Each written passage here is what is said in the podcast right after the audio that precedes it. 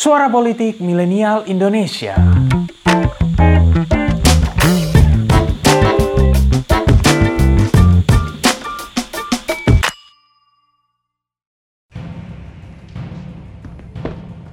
Baiknya tidak usah mandi, Jenderal. Paling tidak cuci muka toh dan berpakaian. Tidak usah berpakaian. Ancang kalian. Tahu apa kalian? Kalian ingat video pinter politik yang satu ini nggak? Ya, video yang di dalamnya ada cuplikan footage dari film pengkhianatan G30S. Bener banget. Film yang juga sering menjadi perdebatan tiap bulan September. Nah, di footage ini terlihat almarhum Jenderal Ahmad Yani yang diperankan oleh Pramana Patmo Darmaya yang ditembak mati oleh sejumlah bapak-bapak lainnya. Tapi tahu nggak sih kalau meninggalnya Ahmad Yani ini justru jadi turning point dalam sejarah pergantian pemerintahan dari Soekarno ke Soeharto, khususnya buat Bung Karno.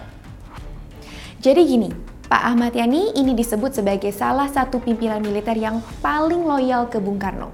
Makanya pas Ahmad Yani dibunuh, pengaruh Bung Karno di militer pun ikut melemah. Nah, banyak yang menilai kalau ini jadi salah satu faktor yang menyebabkan kekuasaan berpindah dari Soekarno ke Soeharto. Tapi, apa ya yang terjadi kalau ternyata Bung Karno mampu mempertahankan pemerintahannya? Bakal jadi gimana ya Indonesia nantinya? Inilah yang akan terjadi kalau Soekarno tetap jadi presiden.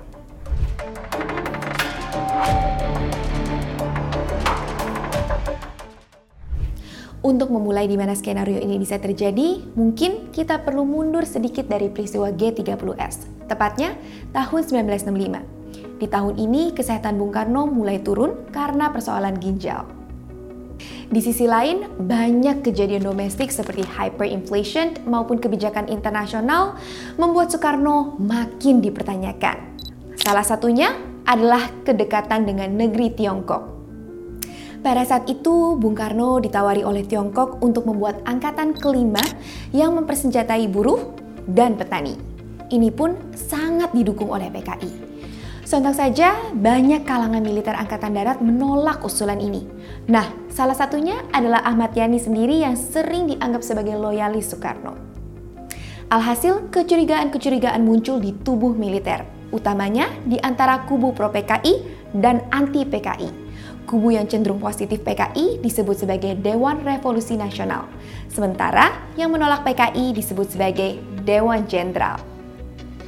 Rasa saling curiga inilah yang akhirnya menyebabkan G30S. Kubu pro PKI mencurigai Dewan Jenderal berencana untuk mengkudeta Soekarno. Di kejadian-kejadian inilah, Bung Karno harusnya bisa menghentikan snowball yang berujung pada kelengserannya. Caranya gimana? Mungkin bisa dilakukan dengan perimbangan kekuasaan dan stabilisasi antar kelompok di tubuh militer.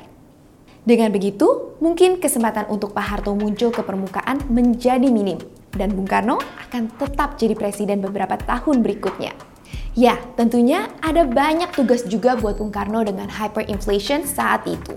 Tapi, apa yang akan terjadi kalau Bung Karno tetap jadi presiden ya?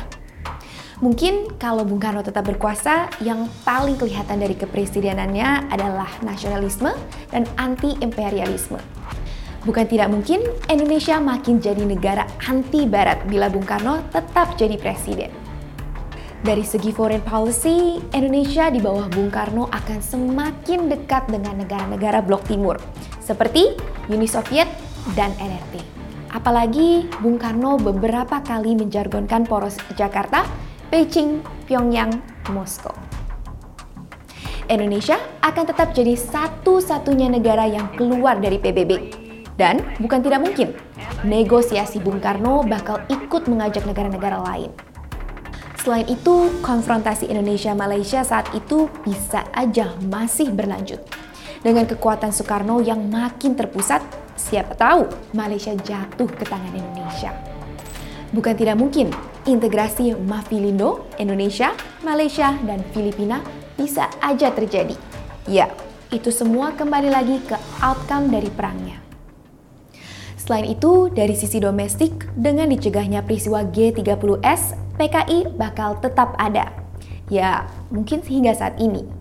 Pasalnya, demo-demo mahasiswa yang menuntut pembubaran PKI tidak akan punya momentum politik yang cukup. Tidak menutup kemungkinan demokrasi tertutup akan tetap jadi sistem politik di Indonesia, yang mana parpol dan organisasi yang berseberangan dengan Bung Karno bisa saja terancam dibubarkan, layaknya Masyumi dan PSI. Eits, bukan PSI yang ini ya, tapi yang ini. Dari segi ekonomi, Indonesia bakal tetap menerapkan ekonomi terpimpin. Mengacu ke Manipol Usdek, ekonomi terpimpin dikelola dengan sistem kekeluargaan. Yang mana air, tanah, dan cabang produksi esensial bakal dikendalikan oleh negara. Well, secara garis besar, bila Bung Karno tetap berkuasa dan mampu menjaga pengaruh politiknya, bukan tidak mungkin. Segala urusan akan makin tersentralisasi ke pemerintah pusat segala urusan dari ekonomi, budaya, hingga politik akan diatur ketat oleh pemerintah. Jadi, gimana menurut kalian? Mungkinkah Indonesia bakal lebih gagah bila Bung Karno tetap menjadi presiden pasca 1965? Ataukah Indonesia bakal makin mengarah ke dictatorship? Berikan pendapatmu.